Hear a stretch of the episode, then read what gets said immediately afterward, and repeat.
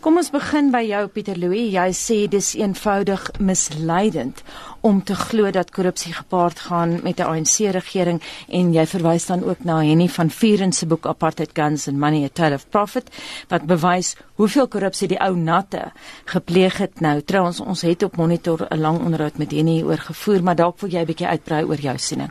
Ja, Anita, weet jy, ek dink dit is maar eintlik maar basies waarop die argument berus. By die ontbytgesprek en 'n bietjie in konteks plaas wat daar gesê is en so jy weet daar het vrae gekom uit die kyk die die gesprek was primêr gefokus op die Gupta familie en staatskaping soos het, ons het vandag in die huidige milieu ervaar in Suid-Afrika en so maar daar's ook vrae gevra in terme van hoe ver terug mens hierdie um, fenomeen van korrupsie kan terugneem en is dit iets wat wat vernaam in 1994 begin hoogtyd vier het soos dit vandag um, ken en so. En Ek en ehm um, my kollega by Karen Moon was albei ehm um, van van mening dat dit absoluut nie die geval is nie. Ek dink dit is 'n baie gerieflike mite geword vir sommige mense wat uit daardie bedeling uitkom om te sê dat korrupsie voor 1994 glad nie bestaan het nie. En die woord bloudruk, um, ek was heel gemaklik om daardie term te gebruik juis as gevolg van hierdie breedvoerige navorsing wat nou op die tafel geplaas is deur diegene soos Henny van Vuren en ander ook, jy weet private organisasies soos Open Secrets wat vir ons nou in baie um fyn detail begin wys hoe daardie korrupsiestrukture wel in plek was tydens tydens die regering uh, tydens die apartheid regime.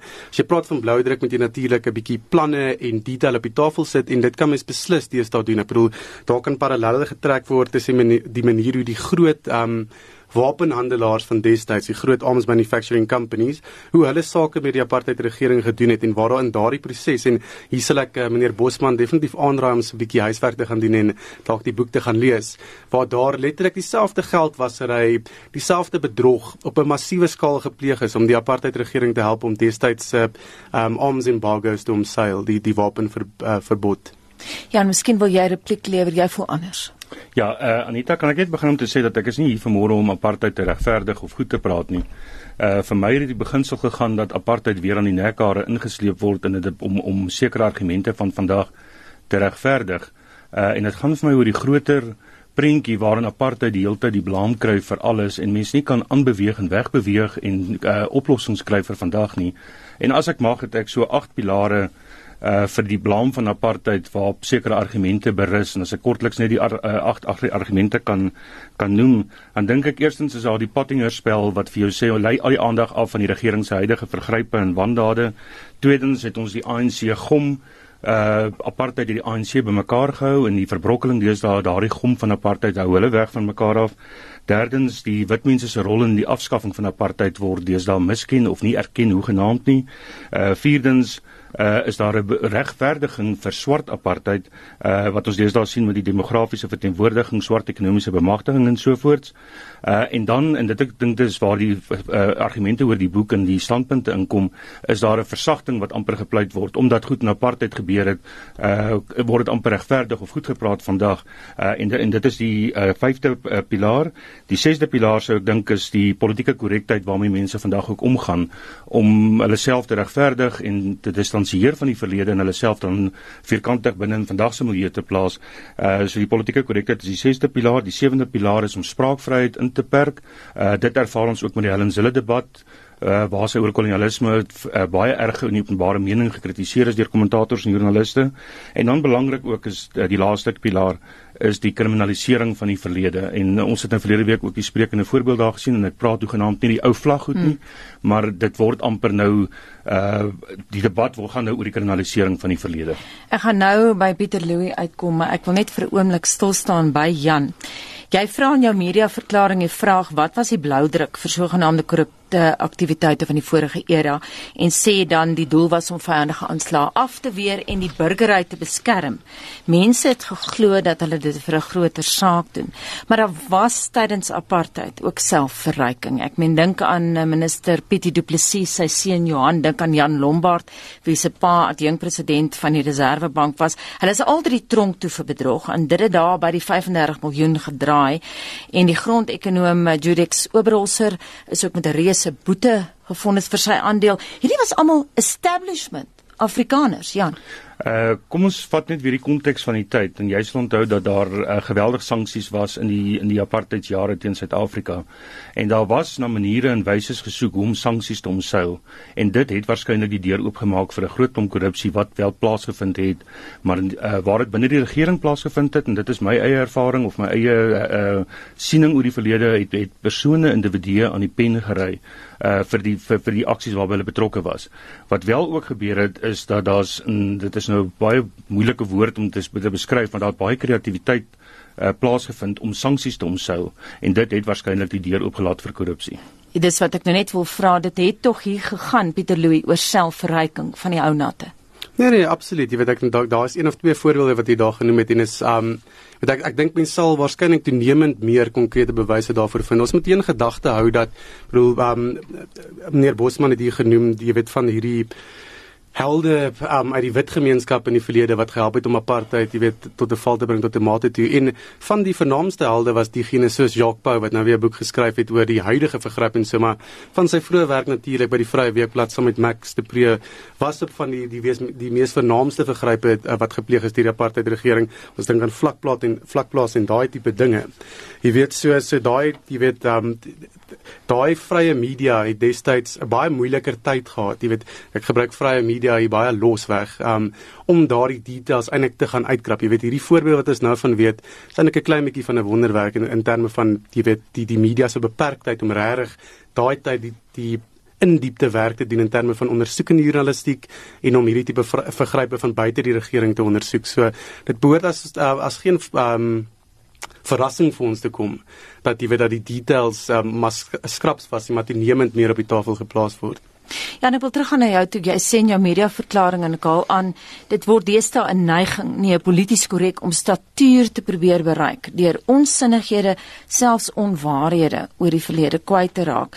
Maar byvoorbeeld oor Pieter Louis se Bonafides is daar baie min twyfel uit per slot van sake die eh, korrupsie by Prasa oopgevlek daar kan baie min twyfel wees oor iemand soos Henny van Vieren se Bonafides of Jacques Pausen Maar dit dit versterk die argument en ek wil hoegenaamd nie vir Pieter Louw of vir Jacques Pau ontmoedig om enigsins te krap en te kyk waar hulle korrupsie kan ontbloot nie.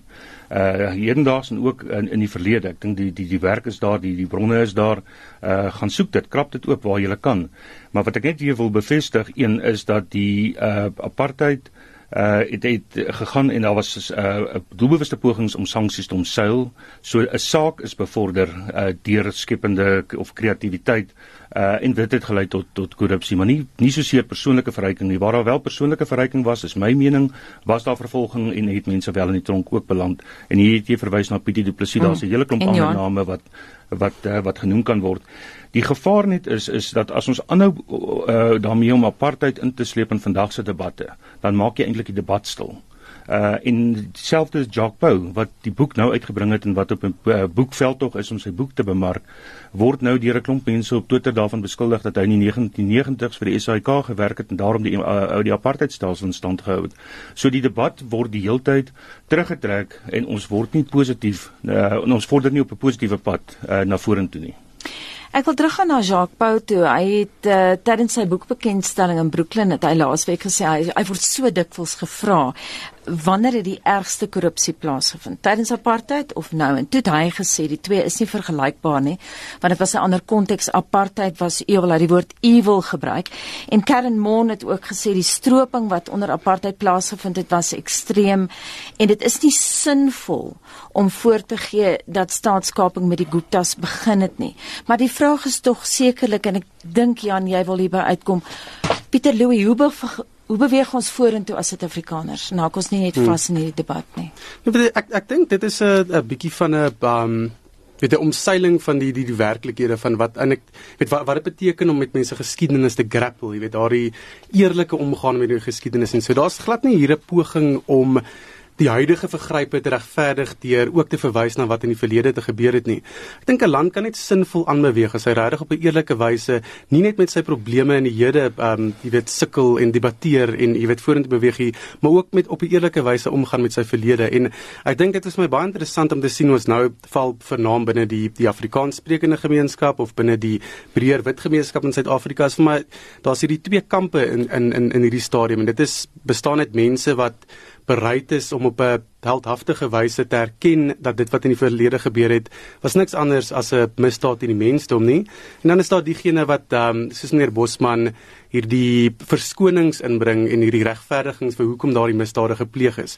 Hierdie groter ideaal, hierdie doelwit, hierdie goedhartige regering wat eintlik maar ongelukkig noodgedwonge hierdie ekonomiese misdade moes pleeg om uit te kom by hierdie dieper ideaal wat hulle sou bevorder het vir die burgery. Ek bedoel, wie se burgery verwys ons nou regter Regina, die die breë Suid-Afrikaanse samelewing of 'n klein groepie bevoorregtes? Jan, wil jy 'n replik lewer daar? Dit ek ek dink Pieter Louw het nou presies uh, bevestig wat ek wil sê is dat debat word nie toegelaat nie. As jy probeer om uh, regverdiging in die verlede te soek vir, vir van die goed van vandag, dan moet ons net praat oor die sleg van apartheid maar ons mag nie praat oor die goed van apartheid of die dit wat positief gebeur het in apartheid. Jy weet, dan is daai debat steriel want dan word jy amper 'n krimineel as jy enigstens daarna verwys.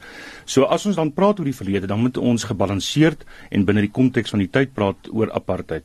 Maar die dilemma is en Pieter nou Louis nou ook daarna verwys dat uh apartheid is uh verklaar as as 'n misdaad teen die mensdom. Maar gaan kyk ook weer na die agtergrond daarvan. Wie daardie uh, mosie in die VN gelei? Dit was die Sowjetlande wat die mosie gelei het. Lande soos die USSR, Bulgarië, uh, Oos-Duitsland, hulle die mosie gelei en ondersteun. Lande soos uh, Frankryk, Duitsland, Israel, Italië, Nederland, Australië, Brittanje het nie die mosie ondersteun nie. Om die waarheid te sê, die FSA het 'n baie pertinente stelling of 'n of 'n notule laat lei om te sê dat jy kan nie apartheid te mensdom teen die uh, uh, 'n uh, misdaad in die mensdom maak nie. Kom ons kyk na 'n positiewe aspek. Dit is vir my baie interessant hoe baie Afrikaanssprekendes betrokke is by hierdie oop vlekking en oop krap. Ons het Pieter Louw wat dit doen, ons het Jacques Pau, ons het Adrian Basson, ons het Pieter de Tooi, byvoorbeeld Enemy of the People. Ek het nou self nog nie boek klaar gelees nie, maar die Halloween is over het jy getweet, but the horror show continues. Ek dink meeste Suid-Afrikaners is dit eens dat ons met 'n gewellige groot probleem met korrupsie op hierdie huidige oomblik sit. O nee nee, absoluut Anita. En ek ek sal keer op keer terugkom na die punt hier dat jy weet om om meer detail op die tafel te sit in terme van wat die verlede gebeur het, is glad nie 'n bydraende faktor of 'n poging om die die huidige vergrype enigstens goed te praat nie. Ons werk gaan altyd aangaan, jy weet, ons sal altyd altyd om ehm um, besig uh, bly met hierdie projek om die staatskas so ver moontlik ons kan te beskerm teen teen hierdie plundering. En as dit beteken, jy weet dat mens ook soms in hierdie tipe gesprekke oor korrupsie ook moet terugverwys na hierdie blou drukke wat in die verlede gepleeg is. Weet, ons kan nie wegskroom daarvan om daar ook kommentaar te lewer nie. Daar's 'n continuum hierso in terme van en letterlik, ek bedoel jy kan dit op 'n baie tegniese wyse gaan ontleed soos wat Henny van Vier en baie goed reggekry het in hierdie boek oor hoe letterlik, ek bedoel ons kan dit nou afbreek in konkrete um, gevalle waar die maatskappy Thales of Tant, sy Suid-Afrikaanse filiaal wat so prominent betrokke betrokke geraak het in die wapenskandaal waarby Jacob Zuma betrokke is. Hulle het al in die 1970-80s het hulle begin om netwerke uh, aan deel te neem waarby grootskaalse geldwasery gepleeg is in hierdie uh, projek waar die Suid-Afrikaanse die, die wapenverbod omseil is. So jy weet dis absoluut ek ek dink nie um dit is 'n geval waar jy die een kant van die munt uh, um verken en die ander kant absoluut ignoreer nie. Mens dis 'n kontinuum en mens mens praat op 'n eerlike wyse oor albei kante van die spektrum. Ek wil vir uh, 'n uh, oomblik by jou bly voordat ons die laaste woord aan Jan Bosman gee. Ons het gehoor dat Jacques sê hy word uh, met die dood gedreig. Het jy doodsdreigemente gekry na jou boek? Ja, wel eintlik nie regtig oor die boek nie. Vanaand uh, terug na die Prasa ondersoeke was daar al 'n paar baie ongerieflike opmerkings oor my gemaak in in vergaderings waar 'n groot tenderpreneurs betrokke was wat by Prasa wat by die Prasa trog geëet het so dit dit gebeur beslis in ons bedryf. Watter soort opmerkings?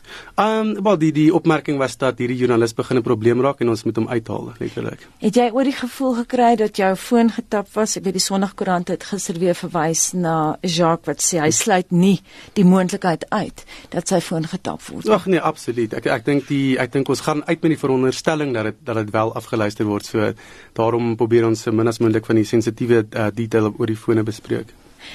Jan Bosman, ek gee vir jou die laaste woord. Uh Anita, ek ek wil weer eens net sê dat uh uh joernaliste en kommentators soos Pieter Louw, ek dink die werk wat julle doen is uitstekend. Gaan daarmee voort en doen dit krap oop.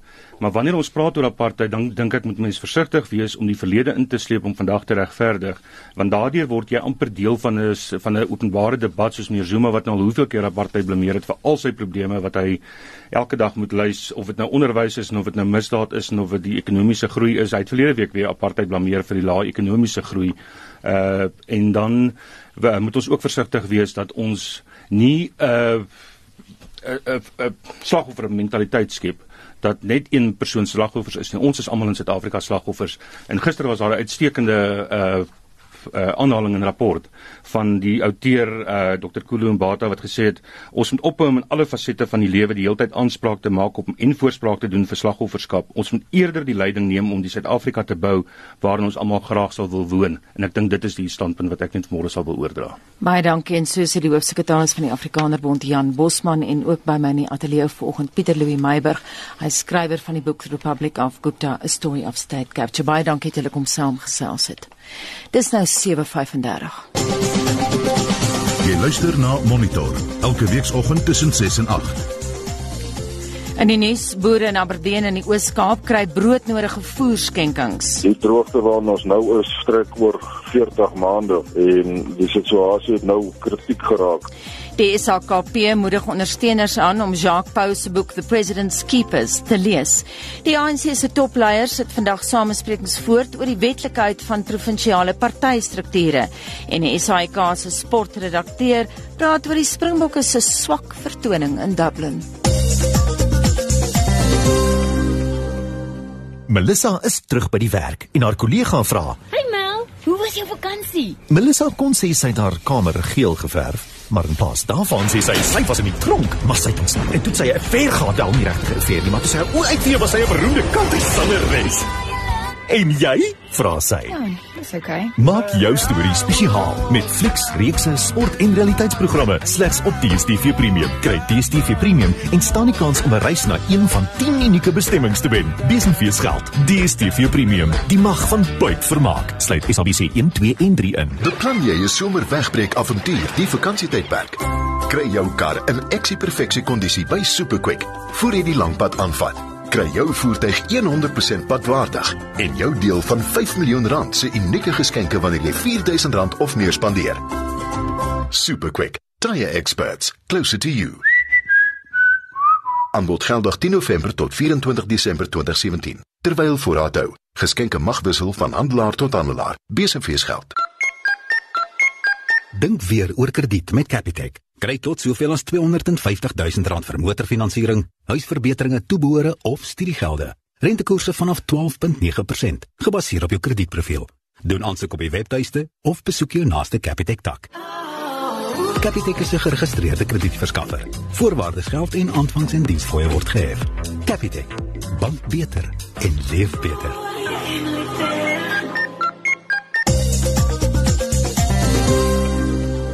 Daar is geen verkeer. In Gauteng en Randburg op Malibongwe Rylaan Oos staan 'n voertuig by CR Swart Rylaan.